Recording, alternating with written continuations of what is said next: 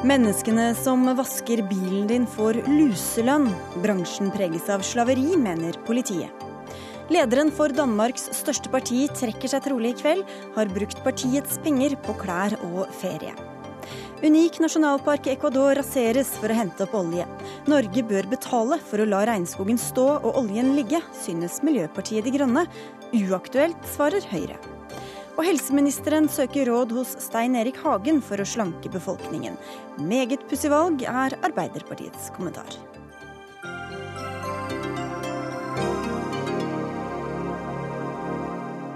Dette er noen av sakene i Dagsnytt 18 på NRK P2 og NRK2, hvor vi også skal få feire og gratulere Ingrid Espelid Hovig med 90-årsdagen. I studio Sigrid Solund. De som eh, vasker bilen din kan tjene ned mot 19 eh, kroner i timen. Politiet og Arbeidstilsynet har kontrollert 100 bilvaskehaller de siste to årene, og avdekket det de omtaler som moderne slaveri. Det skriver Dagens Næringsliv i dag. Ørnulf Halmrast, du er regiondirektør i Arbeidstilsynet i Oslo. og Hva slags forhold jobber og lever disse menneskene under? Det vi eh, registrerer i våre kontroller, det er at eh, det er store mangler i forhold til eh, etterlevelse av arbeidsmiljøloven. Det går på at de ikke har arbeidskontrakter, det går på at det ikke er føring av arbeidede timer, ingen oversikt over det. Det er manglende overtidsbetaling, det er at de ikke har spiserom, garderober, de spiser og skifter der hvor de jobber. De eh, lakkerer uten ventilasjon og verneutstyr, og er, eh, de bor delvis i lokalene. Og det er også store mangler i forhold til sikkerhet, bl.a. sertifisering av løftebukker eh, og opplæring i bruk av den type arbeidsutstyr. Moderne slaveri blir det kalt? Ja, det, det, tror jeg eh, politiet eventuelt skal bekrefte. Jeg bruker mer begrepene at dette er eh, sosial dumping, eh, helt åpenbart, og at det er grov utnytting av utenlandsk arbeidskraft som er i en vanskelig situasjon. Hva sier de som driver disse hallene da, når dere kommer og avdekker dette? Det er litt, eh, litt varierende. Eh, det som, er, eh, det som, skjer, er jo at vi, vi, påpeker disse tingene. De får en tilsynsrapport, de får varsel om pålegg og får muligheten til å rette opp forhold. Og får også da pålegg om å, å få disse tingene på plass. Og det er klart, Dette vil jeg tro de ser på som en, som en belastning, men samtidig så er det jo sånn at de som ønsker å drive seriøst, de ønsker jo den type um, kontroller velkommen. Mm. Men hvor, hvor utbredt er, er, disse forholdene, da? Um, i dette arbeidet så er det nå gjennomført rundt 100 uh, kontroller. Det er et, uh, i Oslo-området. Det er et samarbeid med, mellom Arbeidstilsynet, politiet, skatt, kemner, Nav, brannvesen og plan- og bygningsetaten. Sånn at og, og um, i de kontrollene så har, ikke, så har, vi funnet alle disse grove bruddene overalt. Mm. Uh, men det er klart at vi har jo også gått på de verste stedene. Men Hvordan har utviklinga vært da de siste årene? Går det an å si noe om det? Det jeg ser generelt, er at eh, dette fenomenet sosial dumping, arbeidsmarkedskriminalitet, det brer om seg. Uh, det startet med bygg og anlegg, landbruk for ti år siden kanskje, og ser det i mer og mer av tjenesteytende bransjer. Og det har jo også ført til at uh, myndighetene og de myndighetene jeg nevnte nå, de har jo stort fokus på tett, tett samarbeid for å prøve å få demmet opp for, uh, for den tilstanden. Mm. Vi venter egentlig litt på arbeids- og sosialminister eh, Robert Eriksson. Vi kan begynne med deg, Audun Lysbakken, SV-leder. Hvordan reagerer du på det som er kommet fram?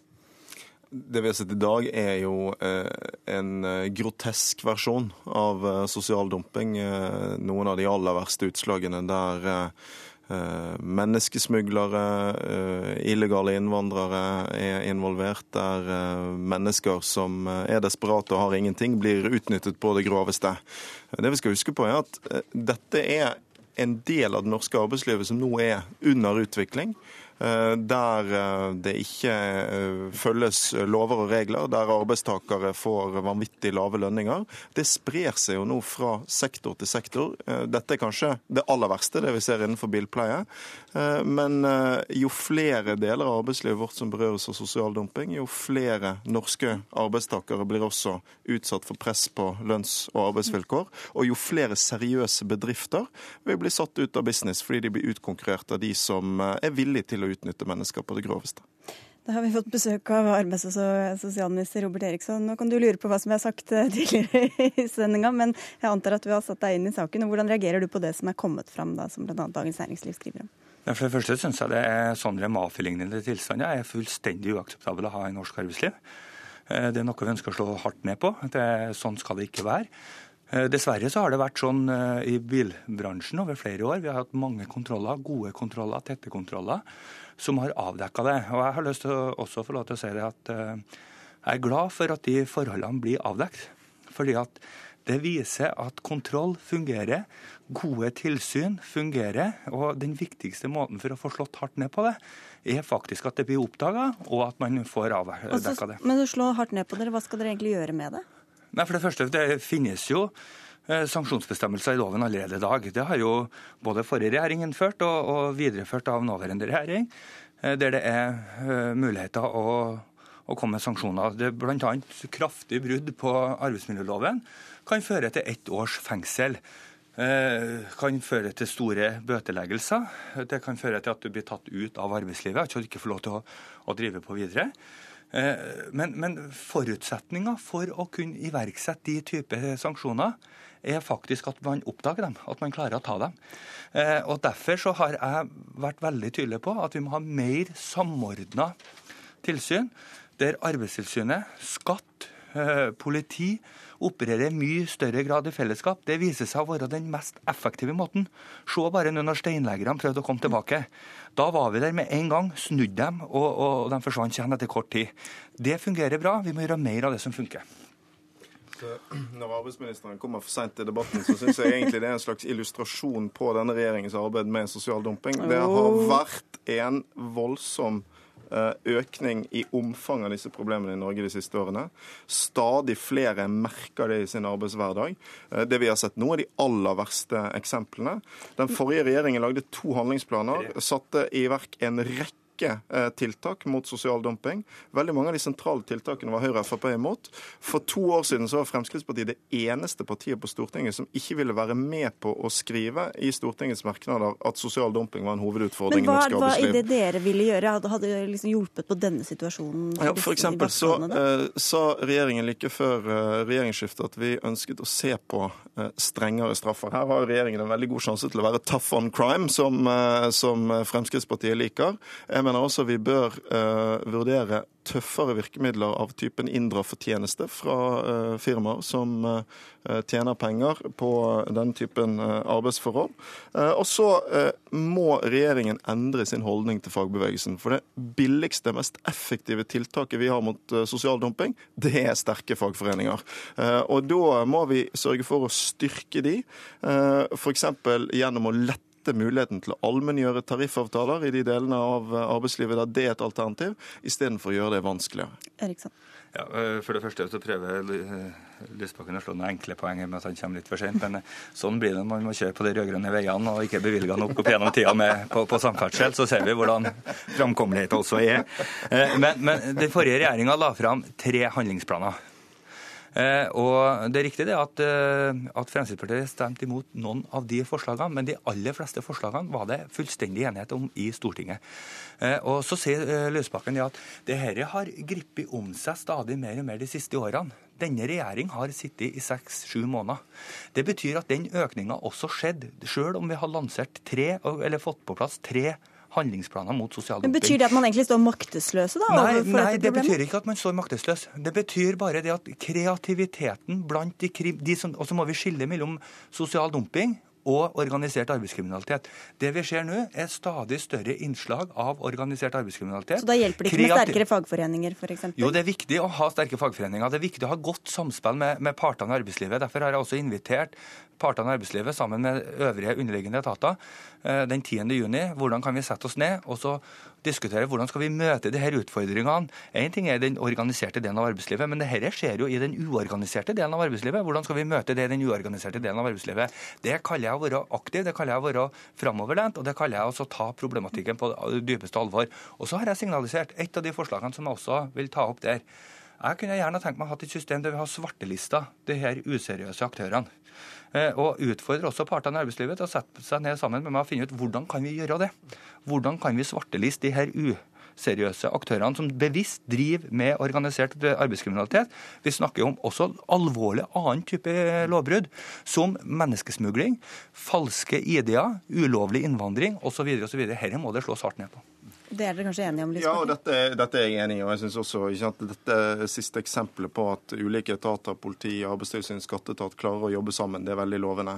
Eh, så har arbeidsministeren mye å bevise, for det har skjedd lite de første månedene. og Høyresiden var en bremse, men, men nå har jo arbeidsministeren sjansen til å vise det. Da vil jeg gjerne gi et par innspill på veien. Eh, fordi en del av dette er jo å styrke Arbeidstilsynet, styrke fagforeningen. Men en annen viktig ting er å styrke forbrukernes muligheter.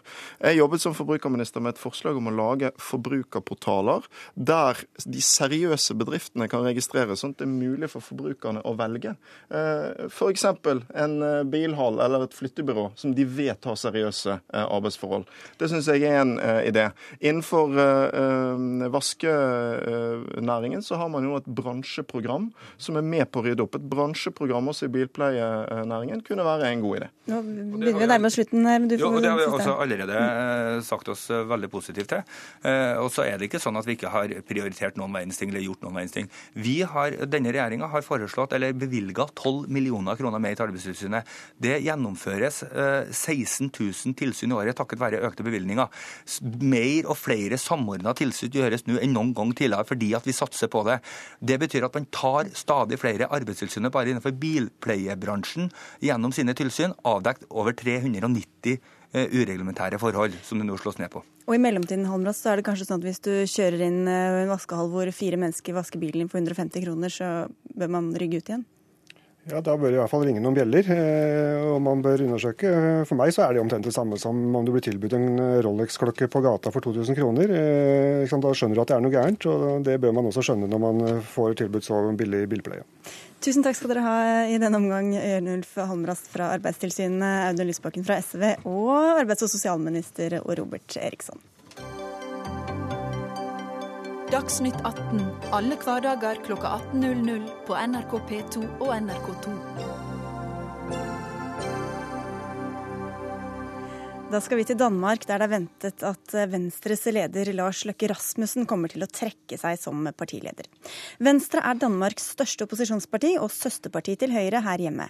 Bakgrunnen for krisen er en rekke avsløringer om privat forbruk på partiets regning, bl.a. historier om at han har kjøpt klær og sko for 150 000 kroner og Mallorca-tur til hele familien. Elisabeth Svane, du er politisk redaktør i Fyns Stiftstidende, og hva skjer akkurat nå med Venstre? Jamen, lige, lige nu sidder øh, Venstres hovedbestyrelse og holder møde, og øh, jeg vil tro, at det netop er nu, at øh, Lars Løkke Rasmussen holder sin store tale, hvor han øh, skal prøve at overbevise sine, sine folk om, at, at, at han, øh, altså, han, skal, han skal holde den her tale. Han, øh, jeg har hørt i dag, at han har besluttet at trække sig, men, øh, men at han stadigvæk vil, vil gøre det så så godt for seg selv som mulig, og derfor øh, holder han den her store tale, og så er det hovedbestyrelsens medlemmer, som skal tilkjennegi hva de mener. Mm. Det er det samme som landsstyremøtet her i Norge, har jeg fått uh, bekreftet her. Men hvor mye ja. handler denne saken om hans private forbruk og de skandalene, og hvor mye handler det om politikk? Den handler øh, i, mest om, om, om ham og hans og forbruket der. Og øh, det, der har vært to historier, som, som er, er kommet begge to opp da vi hadde vores øh, lokale valg, vores kommunevalg øh, i efteråret, november øh, 30, øh, 13, og øh, så her til øh, Europaparlamentsvalget. Og begge gange har Venstre fått et dårlig valg. De fikk et riktig dårlig valg her til Europaparlamentsvalget.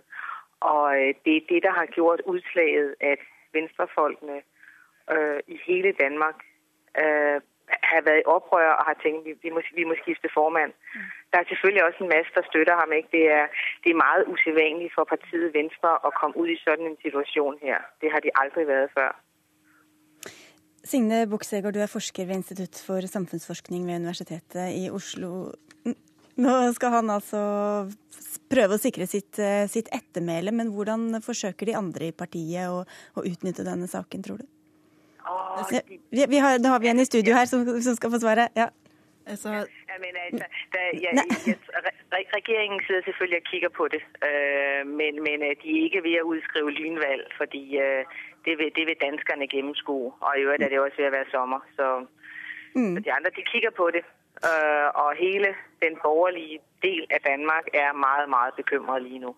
Vi har med oss en gjest her i studio også, Signe Buksegård. Hva med de andre i Venstre? Hvordan, hvordan prøver de å utnytte denne situasjonen også? Altså Min vurdering er at det her det kan ses fra to sider, og det er også det som jeg tror det blir gjort i Venstre. Det er noen som ser det som en politisk sak, og det tror jeg at Lykke Rasmussen han vil se det på. Jeg tror han vil bruke politikken som argument for å, å trede tilbake. Han vil uh, si at han vil ikke stå i veien for Venstre i fremtiden. Mens baglandet jo ser på det her som en øh, personsak i meget større grad, og vil bruke det som argument for at Lykke Rasmussen han må trede fra Eh, tilbake for ikke å skygge for politikken i Venstre. Og så har vi kunnet lese i danske aviser i dag også om en ganske dårlig stemning mellom ham og nestlederen hans. Hva går det ut på? Um, det tror jeg bare vi kan spekulere litt i. Uh, nestlederen har egentlig ikke sagt så veldig mye. Han har vel egentlig mer sagt ikke noen kommentar, og han venter med å kommentere det videre. Så spekulasjonene er mange akkurat på det området. Øh, spekulasjonene er også om han den, vil være den eneste kandidaten dersom det kommer eh, valg om formann til Venstre. Mm. Eh, Svane, hvem er det antatt at tar over partiet dersom han nå trekker seg? Jamen, det er nestformannen, øh, som heter Christian Jensen. Um, så er spørsmålet om det kommer en motkandidat til ham. Der blir nevnt den danske tidligere forsvarsminister Søren Gade. Der blir nevnt en øh, en uh, amtsborgmester hernede, som hedder Karl Holst. Uh, men ingen av dem sidder i, i Folketinget i Rigsdagen, så, så, det vil være meget svært. Det... Men, men, men, man kan ikke, jeg vil sige, som det her forløp har vært, og jeg har fulgt politikk i i 25 øh, år, og øh, jeg har aldri sett noe lignende. Så man skal ikke si man skal aldri si aldri. Eh, Segård, eh, hvor mye er dette også et retningsvalg for Venstre framover, hva som skjer nå? Jeg tror ikke i første omgang så er det ikke et retningsvalg. Nå er, deres, nå er de opptatt av å få ro øh, i partiet først og fremst, også fordi det der ble nevnt her fra Svane. Så der kommer et valg på et eller annet tidspunkt, kanskje ikke i år. Det vet vi ikke. Øh, det er opp til Helle Thorning-Smith å skrive det ut. Men det kommer et valg innen, innen høsten 2015. Så det er klart at de må ha ro i partiet og stå sammen for å kunne ha en sterk statsministerkandidat, som de jo nok fortsatt håper på å kan ha. Og for henne så er dette kanskje gode nyheter oppi mange dårlige meningsmålinger? Ja, det kan du si. De har jo sittet ganske stille i denne saken og nærmest ikke kommentert noe. Så får vi se hva, om han trekker seg eller ikke. Det kan, vi, kan dere lese og høre og se utover kvelden på nrk.no på fjernsyn og radio. Tusen takk skal dere ha for at dere var med i denne omgang, Signe Buch Segård og Elisabeth Svane.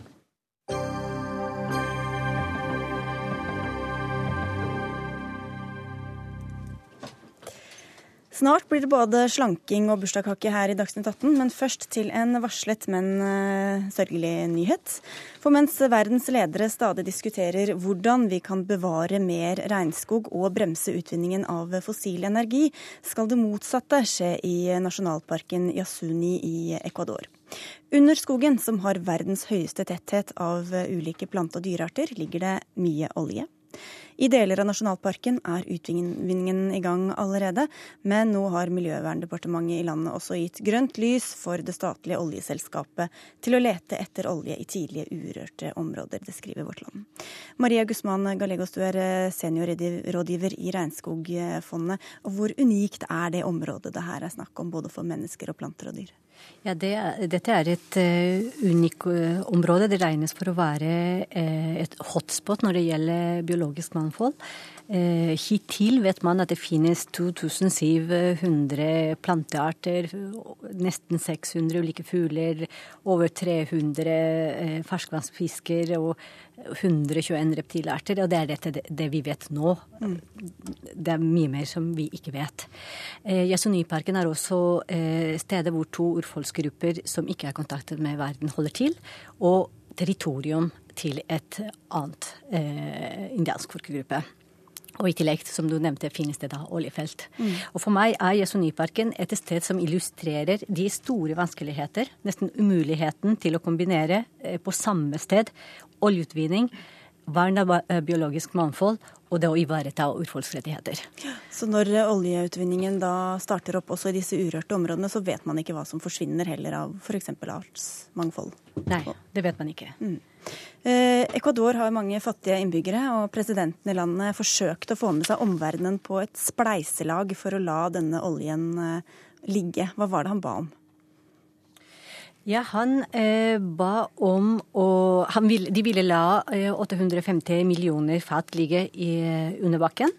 Og da, skulle, da, inviterte det internasjonale samfunnet for å spleise eh, med 50% Det vil si 350 Eh, eh, millioner eh, kroner i Millioner dollar i 13 år.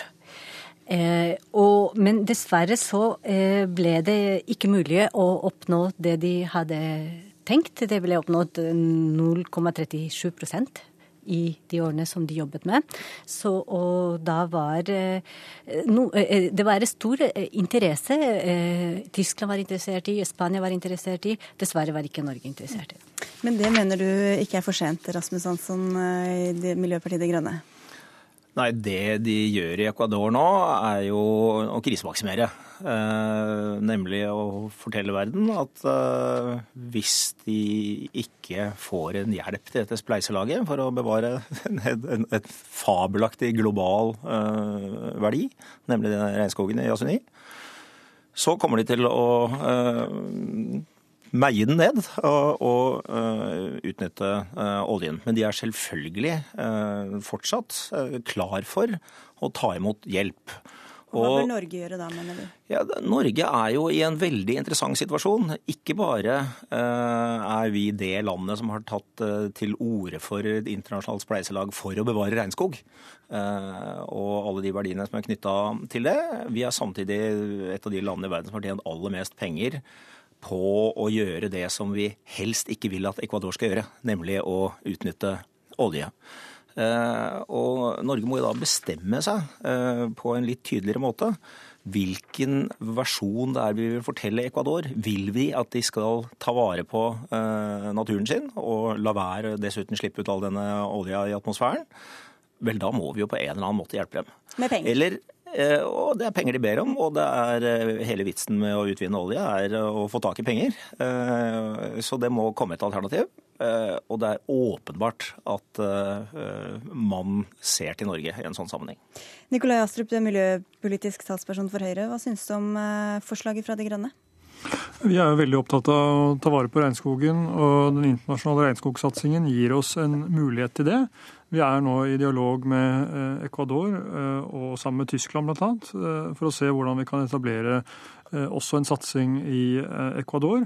Den dialogen er god. Og denne satsingen er jo en milliardsatsing som ikke bare kommer Ecuador til gode, men også regnskogen i f.eks. Brasil og andre steder i verden. Men er det også snakk om i denne, altså denne Yasunis, for Yasunis del? Ja, det, det, kan jo komme uh, Yasuni uh, til gode. Hvis vi får på plass et samarbeid med Ecuador, så kan de investere direkte i tiltak i Yasuni med pengene de tjener fra redusert avskoging. Og Det er et målrettet virkemiddel, og det er et effektivt virkemiddel for å redusere avskogingen. Men så er det et annet spørsmål om man skal betale land for å la fossile ressurser ligge i bakken. Det kan åpne for en helt ny form for klimapolitikk, som vil bli eh, både svært kostbar og svært eh, ineffektiv som klimatiltak. Eh, så, sånn sett så er det viktigere her å fokusere på de unike biologiske, det biologiske mangfoldet som finnes i dette området og i regnskogen generelt. Og Eh, jobbe gjennom, eh, gjennom, den internasjonale regnskogsatsingen for, for, å få redusert avskogingen og tatt vare på dette området. Ja, for Hvor går grensa der, Rasmus Hansson, for hvem man skal betale for å la, for å la sin, sitt lands olje ligge? Ja, For det første må jo alle merke seg at uh, nå gir Nikolai Astrup igjen et slags lite håp om at Norge faktisk er villig til å gjøre noe i denne saken. Men da må Nikolai Astrup og Høyre og regjeringen faktisk gjøre det. Og dette er et veldig enkelt spørsmål. Det spørsmål om penger, å legge penger på bordet. De pengene som regjeringen allerede bruker på regnskogsatsing, som er fine, de er allerede bortbestilt til Brasil og Indonesia og andre steder. Her er det snakk om mye større summer. Og da er altså dette grensespørsmålet eh, ganske interessant. Hvor mye er natur verdt? Hvor mye er klima verdt? Eh, og eh, vi står altså overfor et behov for en, kanskje 25 milliarder kroner.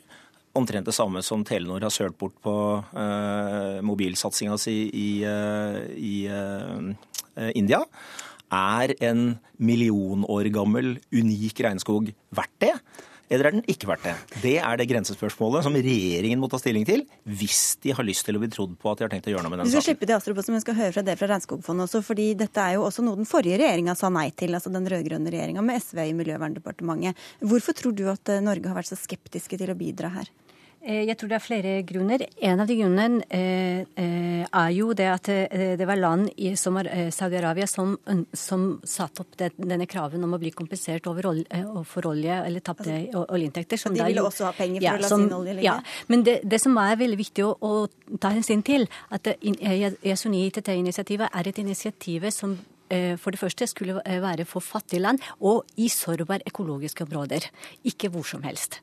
Eh, og det er et poeng som, som Høyre og det er en andre regjering ikke tok hensyn til, men som også illustrerer en stor dilemma som også rammer Norge, og det er hvor, når skal man stoppe å utvinne olje. Og, og det, er, det, er, sant at regnskogmilliardene er veldig fine. Skogmilliardene er veldig fine til å stoppe avskoging. Men det tar ikke hensyn til det at det er nødvendig eh, ifølge Det eh, internasjonale energibyrået eh, og, byrået, og da la to tredjedeler av fossile ressurser eh, bli liggende under jorda for å oppnå mm. nullgrensen. Men da må vi slippe til Astrup igjen. Altså, her er det jo både artsmangfold og urbefolkning. Men i tillegg til det så er det altså snakk om å hugge trær som binder CO2, for å slippe til oljeutvinning som slipper ut eh, CO2. Og hvorfor er ikke det gode nok argumenter for regjeringa til å bidra i dette tilfellet? Jo, det er veldig gode argumenter for å sørge for å få Ecuador inn i Redd Pluss-programmet. og Derfor er vi i dialog med nettopp Ecuador om det, slik at eh, noen av de miljøene milliardene vi kommer til å bruke på å redde regnskog i årene som kommer, også kan komme Ecuador til del. Så er det viktig å understreke at skal vi eh, åpne opp for det prinsippet å betale for å la ressurser ligge, liggende i bakken, så skaper vi en presedens som kommer til å bli svært, svært kostbar eh, og ikke spesielt effektiv i en verden som svømmer over av hydrokarboner. Så eh, jeg tror at vi må nå fokusere på målrettede tiltak som gir mest mulig natur og klima for pengene. Og da er regnskogsatsingen mye bedre enn å kompensere for å la, eh, for å la ressurser bli liggende i bakken. Men hvis vi uansett skal betale for regnskog, hvorfor ikke ta det der hvor man også forhindrer oljeutvinning? Jo, men La meg eh, legge til at eh, oljeressursene i Asuni utgjør omtrent 20% av Ecuadors totale oljeressurser. De øvrige ressursene ligger stort sett også i områder med tropisk skog. Så vi kunne altså risikert å betalt veldig mye penger for å få akkurat den samme oljeutvinningen fra Ecuador, med redusert avskoging bare i andre områder enn akkurat i Yasuni. Så effekten av det som ville vært en enorm utgift, ville vært diskutabel. Og Det er også viktig å ta med seg her. Vi er selvfølgelig opptatt av å ta vare på det biologiske mangfoldet i Asuni, men vi må gjøre det på en målrettet og effektiv måte, som altså gir mest mulig natur og klima for pengene. Og ikke sånn symbolpolitikk det som ligger mellom linjene her, Rasmus Hansson? Det, er spørs hva som er symbolpolitikk. da. Altså, det som i hvert fall er et veldig kraftig eh, symbol, og vel så det, det er at Norge selv, vi fører en politikk, eh, og, Nikolai Astrups parti Høyre fører en politikk som sier full gass på å utvinne alt olje, alle oljeressurser. Og ikke bare det, også utvinne olje i det som er Norges Yasuni, nemlig eh, Lofoten, eh, Vesterålen, som er eh, marint sett et eh, like verdifullt område. Dette er den beskjeden som Norge sender til andre land som også har olje og store verdifulle ressurser. Så hvorfor skulle Ecuador tenke noe annet enn det de tenker nå? Og hvorfor skulle ikke Ecuador si at hvis ikke Norge vil at vi skal gjøre det samme som det dere gjør, vel så må det komme noen penger på bordet. Og Da er det selvfølgelig veldig bra at Nikolai Astrup signaliserer at det kan komme noen, men det hører altså alle. Og nå er spørsmålet kommer det noen penger? Kommer dere til å gjøre noe annet enn å snakke? Da er det kjempefint, og da skal Miljøpartiet De Grønne gratulere dere veldig. Eh, men eh, vi venter og ser. Nå tror jeg Rasmus Hansson Astrup får svare først. Ja. tror jeg Rasmus Hansson er veldig klar over at det å etablere et program for redusert avskoging, det er komplisert og krever at vi har gode avtaler i bunn, og at vi har sikkerhet for at pengene faktisk gir resultater. Eh, og, så jeg kan ikke forskuttere hvordan dialogen med Ecuador kommer til å gå. Eh, men det jeg kan si er at vi har store ambisjoner om å få til noe. Men har dere så god tid da, hvis de skal begynne å utvinne denne oljen nå? Eller lete etter den i hvert fall? Nei, vi har ikke god tid, men vi har i hvert fall startet det arbeidet. Og jeg mener som sagt at det er viktig at vi gjør de riktige tingene, og ikke bare de tingene Rasmus Hansson ønsker å gjøre. Og så er det viktig å understreke at hadde det vært opp til Rasmus Hansson, så hadde vi ikke hatt råd til å gjøre noe som helst. Eh, for hans politikk handler jo om at Norge rett og slett skal bli fattigere. For det hadde ikke hatt noe oljefond å gi penger fra? Nei. Jo, svært oljefond. Vi har det allerede. Jeg er enig med Nikolai Astrup at man må, og det er også, man må sørge for å ha en helhetlig politikk i landet. Regnskogfondet har insistert på at eh, Ecuador har en, en, miljø, en, et miljølovverk som er ganske sterk, har et sivilsamfunn som er ganske sterk, og har en del eh, ting på plass. Vi har insistert på at Yasuni skal støttes som en del av landets politikk. Yasuni har, har vært et initiativ som ble opp, eh, startet fra sivilsamfunnet, som ble nasjonal politikk, på tross av at, at Ecuador er så avhengig av olje. Eh, så ja, det er nødvendig med en, en, en, en, helhetlig politikk, men det er også nødvendig med en politikk som tar eh, hensyn til det, en av de største truslene i, regnskog, i, i regnskoglandene, nemlig utvinning av olje og av mineraler. Og de er under bakken. Det som er helt opplagt, er at hvis alle land gjør som Norge, så kommer vi ikke til å klare å bevare regnskogen, og vi kommer ikke til å klare å berge klimaproblemet. Eh, Norge må bidra til at andre land gjør noe annet enn oss. Eh, og nå er det altså Nikolai Astrups regjering som eh, skal vise oss om vi kommer til å gjøre det eller ikke. Og det lover du å gjøre til en viss grad, i hvert fall Astrup. Det er hele Norges regjering. Også Rasmus Hansson. takk skal dere ha for at dere var med i Dagsnytt 18.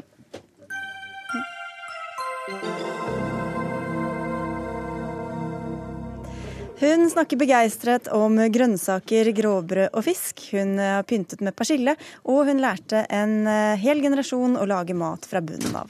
I dag ble TV-kokken over alle TV-kokker hyllet med en festlunsj av regjeringa, og nå er det tid for festmiddag i anledning 90-årsdagen. Og gratulerer med dagen, Ingrid Espelid Hovig.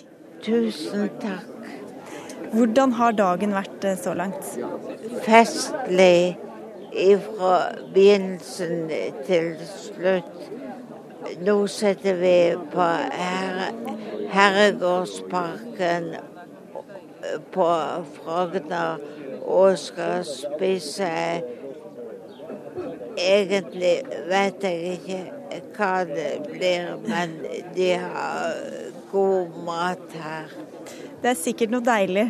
Hvis, hvis, det er noe du har lært det norske folk gjennom alle disse årene, hva håper du at det er? Grønnsaker og kanskje en bitte liten potet og et eller annet av fisk. Men jeg er jo ikke negativ mot kjøtt heller. Bare det ikke er hver dag? Nei, det kunne jeg ikke tenke meg. Men fisk kan jeg tenke meg hver dag. Da får vi håpe det står litt fisk på menyen. Jeg tør ikke, jeg har ikke samvittighet til å holde på deg nå midt i, midt i feiringen av deg. Du får ha fortsatt uh, god og smakfull kveld, og gratulerer med dagen igjen. Tusen, tusen takk.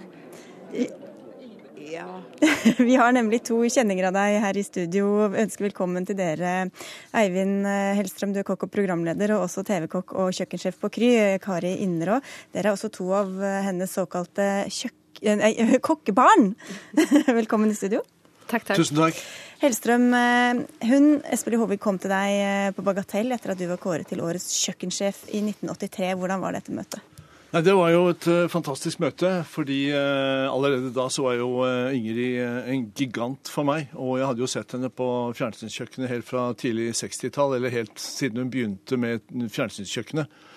Og å få møte den Det var som å nesten møte dronning Elisabeth av England.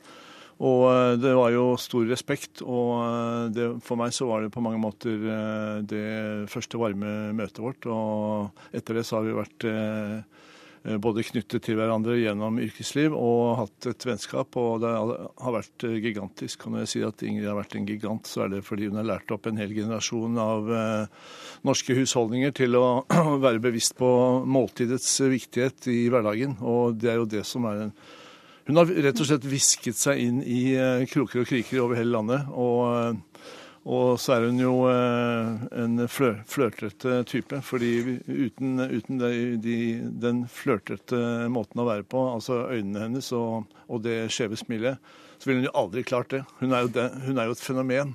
Du beskriver henne som helt rå, Innero. Hva, hva legger du i det? Altså, det er jo som Eivind sier, det er alt hun har gjort opp gjennom årene. Jeg mener jo det at Altså, når hun begynte sin karriere på TV, så eh, da hadde vi ikke ferdig mat i butikkene. Hun lærte jo det norske folk å, å lage mat fra bunnen av. Ærlig, god, sunn mat.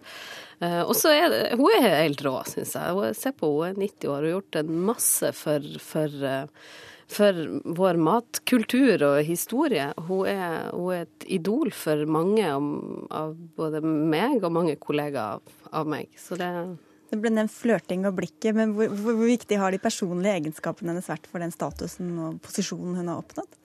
Nei, altså Hun er jo hun er veldig ydmyk som person. Jeg synes, eh, altså Alltid de gangene jeg har møtt henne, så sier hun ja, men jeg er jo ingen kokk.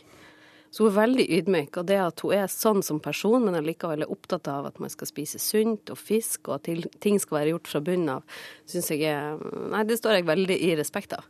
Husstellærer kaller hun seg. Ja. Eh, hun er jo det også. Hun har jo vært, eh, eller eh, Ryggraden hennes har jo vært slik at hun har tatt for seg basiskunnskapene i, i matlagningen og, og, slått gjennom på det. Og det er jo det som, som også har rett og slett begeistret en, en hel generasjon. Men nå er jeg redd for at nå begynner folk å glemme igjen, fordi nå, kjører, nå er det jo uh, snart ingen som klarer å lage mat hjemme. Og eh, dessverre Hente opp igjen de gamle programmene, da? Ja, vi får ja. sende de i reprise. men det er sikkert mange som tenker på henne, Hun lager litt sånn traust mat, men hun har ikke vært redd for å, for, å ta inn inspirasjon utenfra heller? Nei, absolutt ikke. Altså, hun har jo reist mye, og hun har møtt de store i eh, både USA, i Frankrike, i Asia, overalt. Og hun har jo hentet inn uh, så mye uh, impulser fra andre matkulturer og satt det på menyen hjemme også. Mm. For det er ikke mer enn uh, noen tiår siden at vi uh, knapt nok hadde en avokado her. Og, mm. og, og, og vårløk var uh, et, ukjent, en ukjent grønnsak, så det har skjedd veldig veldig mye på veldig kort tid. Mm. Men Ingrid har vært pådriveren til å få folk, folks øyne opp for, som jeg nettopp sier, måltidets viktighet. Mm. Og både som en sosial faktor og det at det er noe å strekke seg til eh, i, hver dag. Da. Og så snakker hun om disse kokkebarna sine, da, som dere er en del av. Mm. eller noen av. Hvordan har hun stilt opp for deg og for dere, tror du? Eller syns du? For min del så har hun altså, hun har vært på restaurantåpninga mi. Hun har altså, i alle anledninger. Jeg har møtt henne mye i kokkekonkurranser der jeg har konkurrert sjøl. Og det at hun er en kvinne i, i faget, som jeg òg er, så er hun jo et forbilde på mange måter. Um, og jeg husker første gangen når eh, det var, altså det var jo mest mannfolk, og så hadde kokkesønnene. Så husker jeg møtte henne en gang og sa ja, men du har jo noen kokkedøtre også. Så ja, gud, jeg er ikke flink nok til å si det, for vi er ikke så mange. Det må vi bare ærlig innrømme at vi er jo ikke det. Så, så nei, det er veldig fint. Og jeg husker så godt hun kom på åpninga med eh, det var fullt av folk på restauranten på Kru, med roser og kort og Nei, og det er jo, det er jo bare seks år siden. Så det, men nå har jo du lansert din egen eh, sånn hurtigmatserie. da. Ja. Hva tror du hun syns om det? du, det tror jeg hun blir veldig begeistret over. Jeg vet ikke om hun har smakt engang. Men uh, Eh, jeg tror absolutt ikke at uh, Ingrid uh, vil være negativ til den. Ingrid har jo aldri vært negativ mot noen. Men uh, hurtigmaten min, den, den, står jeg for, og den smaker faktisk veldig veldig godt. Nå hørte vi hun selv var mest glad i fisk. Hvis dere skulle lage et måltid til henne i hennes ånd, hva ville det vært? Oh, jeg ville lagd skrei, tror jeg. Ja, absolutt skrei. Nå, nå, var jeg så heldig å være til stede eh, på lunsjen hvor eh, Ingrid ble feiret eh, til, altså med stor jubel i dag. Og det som sto på menyen var et par av hennes livretter, altså alt fra havet. Dvs. Si, I dette tilfellet så var det de nye grønne aspargesene, og så var det kamskjellene som var helt fabelaktig tilberedt. Og så var det seifilet etter hennes eget ønske. Hun elsker jo sei, og hun elsker den enkle fisken. Og, og til slutt så var det rabarbrasuppe med markjordbær. Og alt dette var tilberedt av eh, en av de andre adoptivsønnene, Terje Næss, og det var en genial lunsj. Så, men hvis jeg skulle gjort noe for Ingrid, så må det jo bli den skjøtunga som, som vi alltid har kranglet om, fordi hun oppdaget jo skjøtunge i Frankrike. Men jeg klipper av finnene, og hun vil ha finnene på. Oh, ja. for hun vil sitte og suge og plukke på finnene, da, mens jeg klipper de av fordi jeg vil eh, ha det enklere å spise. Men uh, utover det så er vi ganske enige om veldig mange ting. Og dere er sikkert også enige med mine neste gjester, som uh, sikkert står der ute med vann i munnen, og som uh, applauderer disse, denne matlagingen, for nå skal det handle om slanking. Takk skal dere ha. Hør Dagsnytt 18 når du vil. Radio NRK Radio.nrk.no.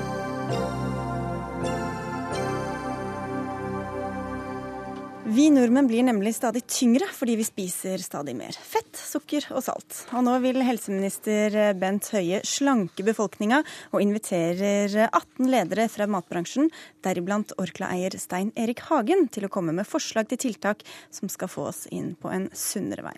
Torgeir Micaelsen fra Arbeiderpartiet, du er nestleder i helsekomiteen på Stortinget, og du stusser over helseministerens valg av rådgivere. Hvorfor det? Nei, altså Stusser og stusser. Jeg bare konstaterte at jeg tror kanskje det var noen som syntes det var litt rart. at... Uh, noen syntes det var rart, men ikke du? Ja, jeg, jeg også må innrømme det. Altså Når helseministeren i Norge først har liksom tatt vekk frukt og grønt fra ungene i skolen, og deretter etablerer et utvalg hvor den som skal lede an, er en av de største økonomiske bidragsyterne til Høyre, som nettopp skal diskutere hvordan barn og ungdom bl.a. kan spise mer frukt og grønt. Men det er ikke hovedpoenget. Jeg syns at dette kan sikkert være en helt utmerket idé. Men jeg tenker at hvis vi skal få gjort noe ordentlig med den bransjen her, som selger veldig mye dårlig mat, har for dårlig utvalg mange steder og for lav kvalitet, og de sunne varene er ofte altfor dyre, så tror jeg at det utvalget her hadde stått seg bedre dersom de hadde hatt noen av forbrukerne som etterspør disse alternativene, som eh, noen eksperter som kunne utfordra bransjen til hvordan de kunne gjort en del grep selv. Eh, og i hele tatt de som vet hva som funker i kampen mot eh, overvekt. Da tror jeg utvalget hadde blitt bedre eh, enn det utvalget som er veldig skjevt sammensatt etter mitt syn per nå. Ja, Helseminister Bent Høie, hvorfor har du valgt da, blant andre Hagen til å gi råd? Det er faktisk ikke et rådgivende utvalg. Dette er et utvalg som jeg skal ha og har invitert til for å få bransjen til å, og næringen til å forplikte seg til å redusere de farlige stoffene i mat som salt, eh, sukker og fett. Eh, og det er enkelt og greit sånn at vi har ganske mange gode råd. Vi har mye kunnskap om hva som er farlig. Det vi må over til nå, det er konkret handling. Og ikke bare handling som eh, betyr at vi gir mer og mer informasjon, for det skal vi gjøre. Men vi kan ikke overlate dette nå til bare å bli valgene til hver enkelt for oss.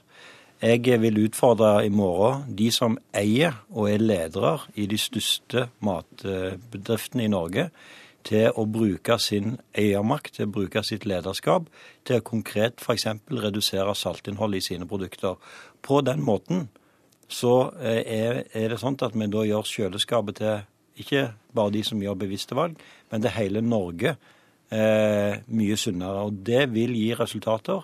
Tre gram reduksjon eh, gjennomsnitt årlig i Danmark vil spare, har de regnet ut spare 1000 eh, eh, års, eh, altså 1000 menneskeliv.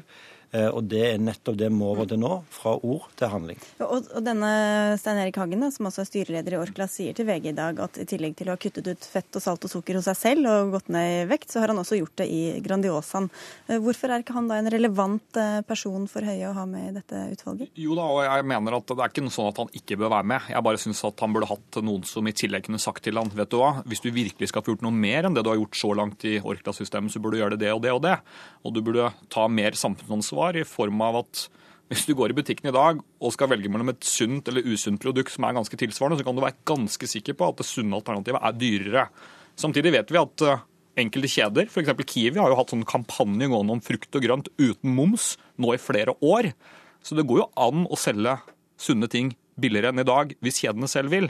Og Det er det som egentlig er hovedpoenget mitt. Jeg tror at Bent Høie er inne på en idé som kan bære frukter, men han undervurderer at dette utvalget burde hatt en, et ris bak speilet.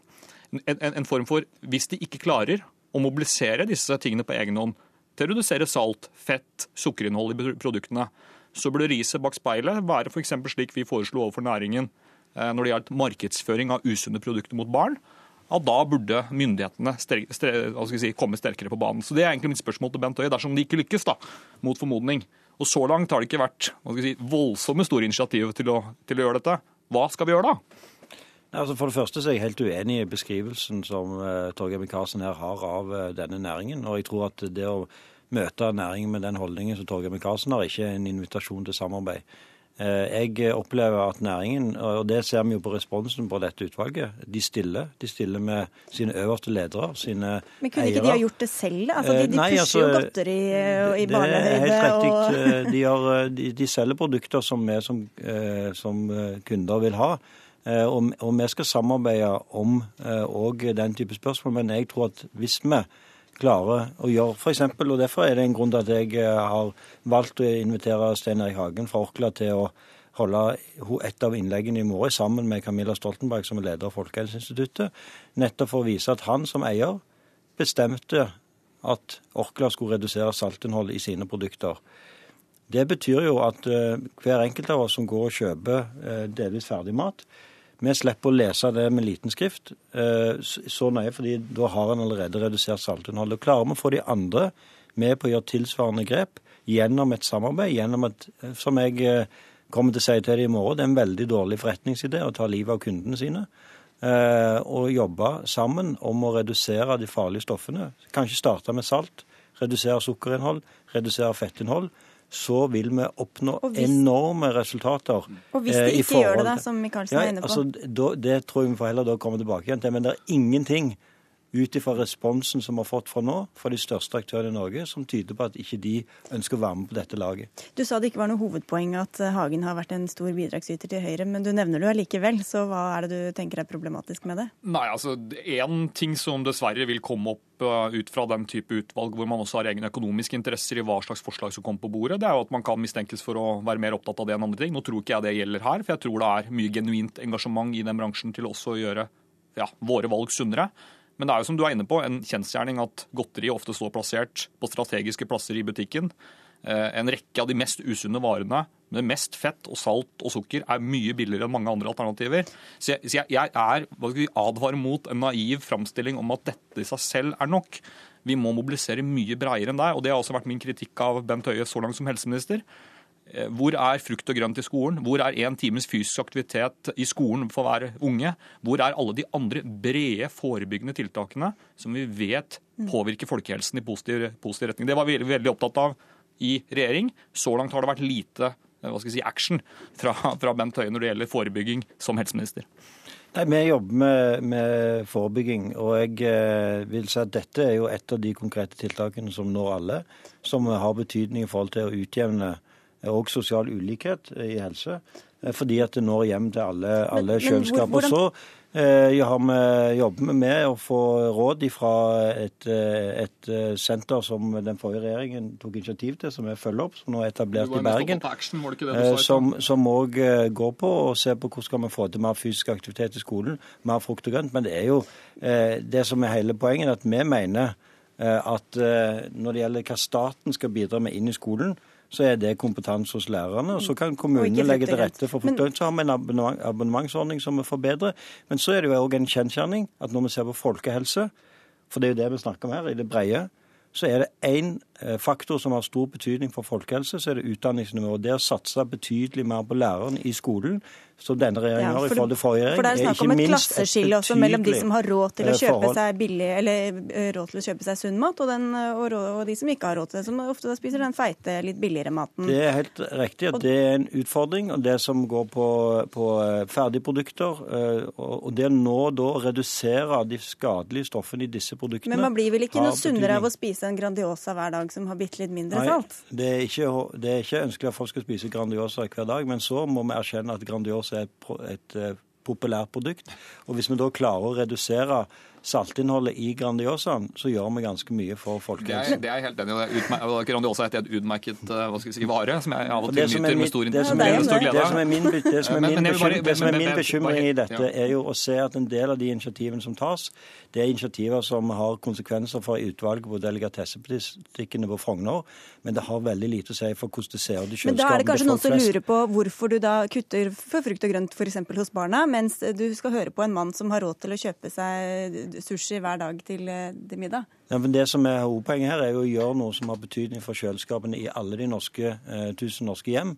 Eh, og så mener vi det er bra med frukt og grønt i skolen, men der har vi en abonnementsordning. Og så gjør vi det over kommunen. Men så er det òg viktig med gode lærere i skolen, for det er òg et folkehelsetiltak. Nei, Bent Høie for skjevt sammensatt når de mest, hva skal jeg si, den mest velstående i norsk dagligvarebransje historisk sett, og de menneskene som da tross alt lever av å selge disse varene, er sammensatt på egen hånd for å gjøre dette. Det er bra, men de burde blitt utfordret av andre for å gjort mer. Og når det gjelder da Kan gjerne han høre på andre enn bare ja, dette utvalget. ja, og når det gjelder- Jeg syns det er helt uforståelig jeg synes det er så helt uforståelig at vi ikke kan bli enige på Stortinget om at vi kan satse på lærerne. Det er helt utmerket. Du har gått til valg på det, jeg har gått til valg på det. Men at vi tidligere også Hvordan kunne lagd et, denne diskusjonen? jo, men da, et tverrpolitisk initiativ for at unger skal bevege på seg én time hver dag i skolen. Det burde være det minste vi kunne bli enige om i den stortingsperioden, uten at eh, ja, Ja, Høyre skal dra fram at vi skal en litt etterutdanne der. diskusjon. Nei, men det eh, fungerer så bra. Det Ja, det altså, som, dette sammen med mat er det. Kritikken mot dette utvalget er helt meningsløs. Dette skal ikke være et rådgivende utvalg. Dette skal være et utvalg som skal jobbe sammen for faktisk å redusere de skadelige stoffene i mat. Så har vi utmerkede andre utvalg som gir, gir oss gode råd, og de er bredt sammensatt. Og det er altså første møte i morgen, så får vi se hva som kommer ut av det. Det gjør vi. Takk skal dere ha.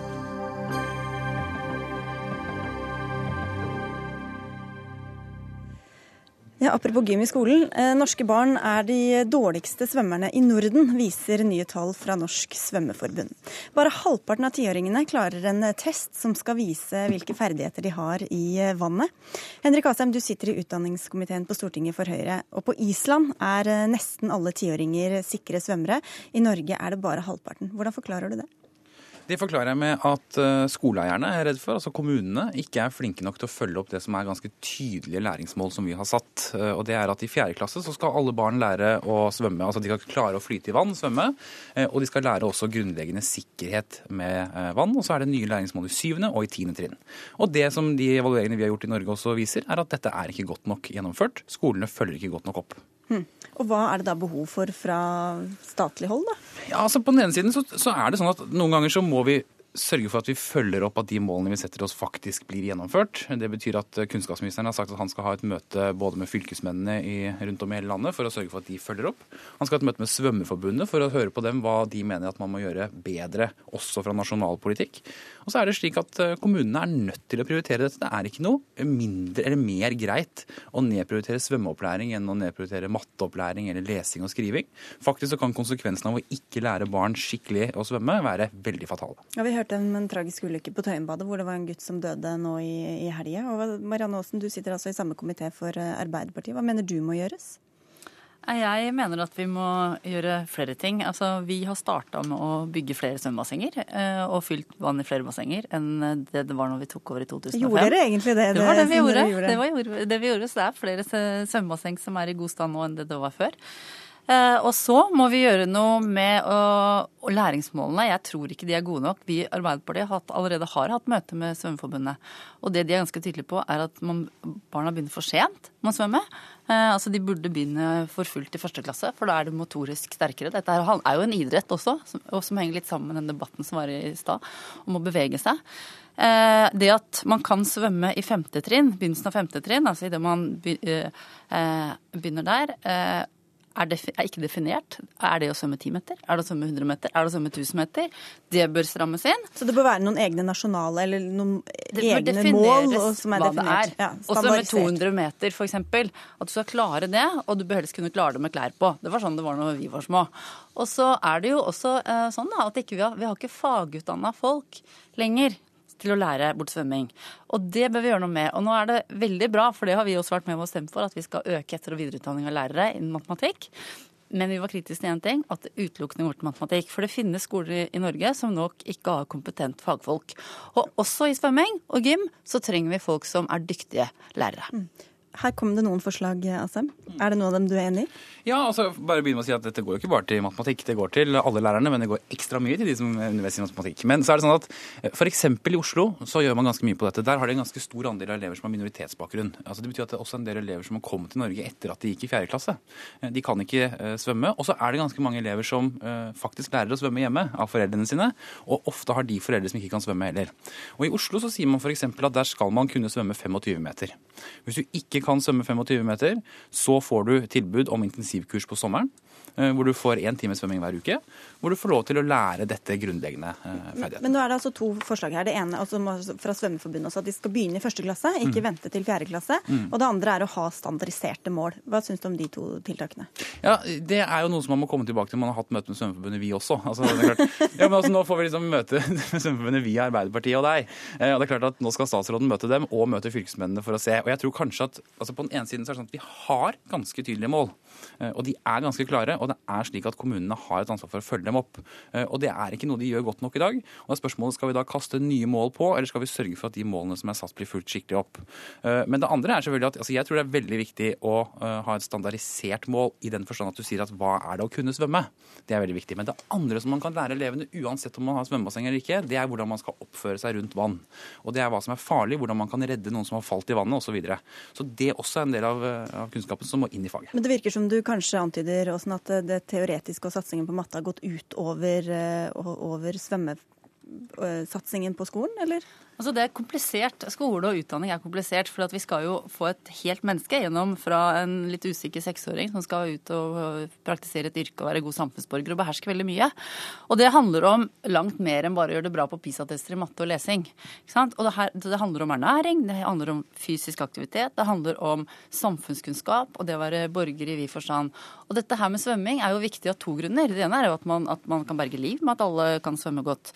Eh, men det er også en veldig populær form for fysisk aktivitet. Og veldig eh, sunn form for fysisk aktivitet. For det er nesten ikke eh, skader i den idretten. Og hadde vi klart å få mange mange flere barn til å svømme og beherske det tidlig, så ville mange flere fått en livskvalitet med det også. Ja, men det er jo deres, Bare for å liksom være Høyres uh, talskvinne her, så har jo dere altså sittet i makten også i åtte år. Og dere lovte jo alle disse bassengene, men er, og du sa dere hadde kommet, men det er jo ganske mange tomme bassenger fortsatt. Ja, men la meg ta Oslo som eksempel, da, siden uh, det ble dratt opp. Én ting er å ha bassenger, men akkurat nå, jeg sjekka nå på nettet, seks av ni uh, svømmebasseng er stengt i Oslo akkurat nå når vi sitter og snakker her, ennå skolen fortsatt pågår. Fordi den er stengt i, fra midten av mai til midten av august. Uh, og da er det bare tre bassenger som er åpne. Åpningstider er ganske viktig. Hva handler det om? Det handler om kommuneøkonomi. Det kommuneopplegget som kom for noen uh, par uker siden, som vi skal vedta nå snart, det er ganske stramt. Det betyr at vi ikke har penger til barnehageplasser, vi har ikke nok til etter- og videreutdanning av lærere. Og alt dette her må vi sikre sånn at kommunene kan ha bassengene åpne og klare å ha fagutdanna lærere på, i svømming. Alle debatter fører til kommuneøkonomidebatten. Ja, de gjør som regel, de gjør som regel det. Men jeg syns det blir en litt sånn hul kritikk. Jeg synes det også blir litt rart. Altså, det er jo ikke sånn at i september i fjor så kunne alle barna svømme, mens nå, etter at vi har hatt en borgerlig regjering da i snart, litt over et halvt år, nå er liksom krisen der. Dette her er et problem som vi har holdt på med ganske lenge og diskutert ganske lenge. Og jeg synes ikke, altså, Ingen barn lærer å svømme av at vi sitter og slår hverandre i huet med hvem som gjorde hva eh, for et halvt år siden. Men det som er interessant, det er jo i stedet å diskutere hvilke tiltak vi nå skal komme prøvde det. Ja, men ikke sant? Og det er jo det vi nå jobber med. Eh, og derfor så er det sånn at... ha møte med Svømmeforbundet først? Ja, men Vi må jo høre hva Svømmeforbundet også sier. Og så skal statsråden også ha et møte med fylkesmennene som har ansvar for å følge opp at kommuner og fylker gjør det de er satt til å gjøre. Veldig enig i at ikke vi trenger å, altså at vi ikke kommer noe lenger med å krangle. Men jeg tror vi må stille noen større krav til kommunene, for de er for diffuse. Mm. Det tror jeg vi kan bli enige om. Og så er det i hvert fall deilig vær i enkelte deler av landet, så det er jo lov å bade kan- litt utendørs Man kan bruke sjøen og innsjøer rundt omkring i hele Norge nå. Takk skal dere ha i hvert fall for at dere tok debatten her i Dagsnytt 18, som ikke har mer tid igjen av sendinga. Ansvarlig for den var Dag Dørum, Hilde Tosterud var tekniker, og jeg heter Sigrid Solund.